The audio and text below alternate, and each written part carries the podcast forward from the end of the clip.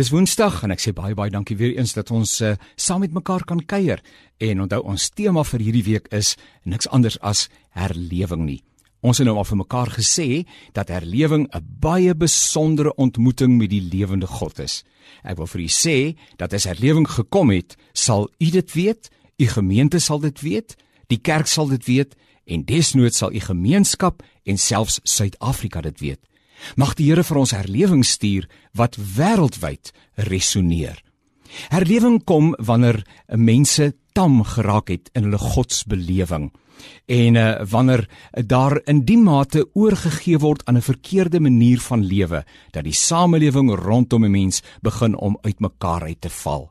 Ons het gister vir mekaar gesê Suid-Afrika is nie op 'n goeie plek nie en ons moet dit gaan interpreteer en ons moet vir mekaar vra in watter mate hang die toestand van ons land dalk saam met die kragteloosheid wat intussen by die geloofsgemeenskap met name die kerk die Here se kinders ingetree het. Herlewing is die antwoord op ons soeke na nuwe krag. Die Bybel sê vir ons in Jesaja 64 vers 7: Daar is niemand wat tot U roep om hulp nie. Niemand wat sy krag in U soek nie. U het ons aan onsself oorgelaat. U laat ons wegkwyn deur ons sondes. As 'n mens baie keer so kyk na jou eie konteks en ook die konteks van die situasie rondom jou, met name die land waarvan ons deel is, dan voel dit baie keer asof die Here ons aan onsself oorgelaat het.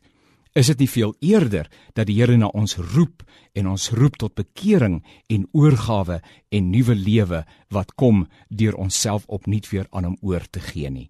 Herlewing is 'n antwoord. Die Here sê in herlewing, ek het julle geroep, gehoor.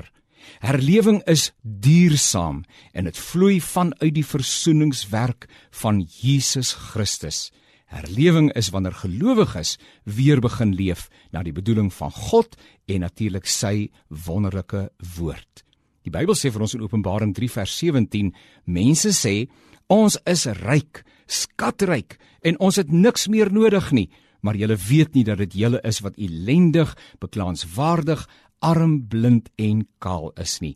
Ai mag die Here ons geestelike oë oopmaak en ons geestelike ore sodat ons in hierdie tyd waarin ons so aangewese is op 'n hemel geïnspireerde herlewing dat ons eerlik sal wees met onsself, ons kontekste, ons gemeentes en die Here by vernuwing sal opsoek.